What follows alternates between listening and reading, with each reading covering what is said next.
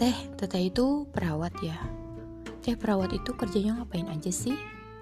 Perawat itu asisten dokter ya. Teh kenapa sih nggak sekolah bidan aja? Biar bisa buka praktek terus cepet kaya.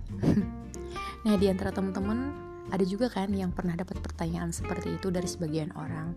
Nah, di sini aku bakalan cerita-cerita tentang pengalaman aku kenapa aku sekolah perawat, kemudian lulus dan akhirnya dapat pekerjaan. Aku juga bakalan ceritain tentang pengalaman aku selama bekerja di rumah sakit yang mana aku terjun langsung ke pasien. Jadi buat sebagian orang yang belum tahu kerjanya perawat ngapain aja, jadi bisa tahu. Dan semoga dari cerita aku ini bisa diambil manfaatnya.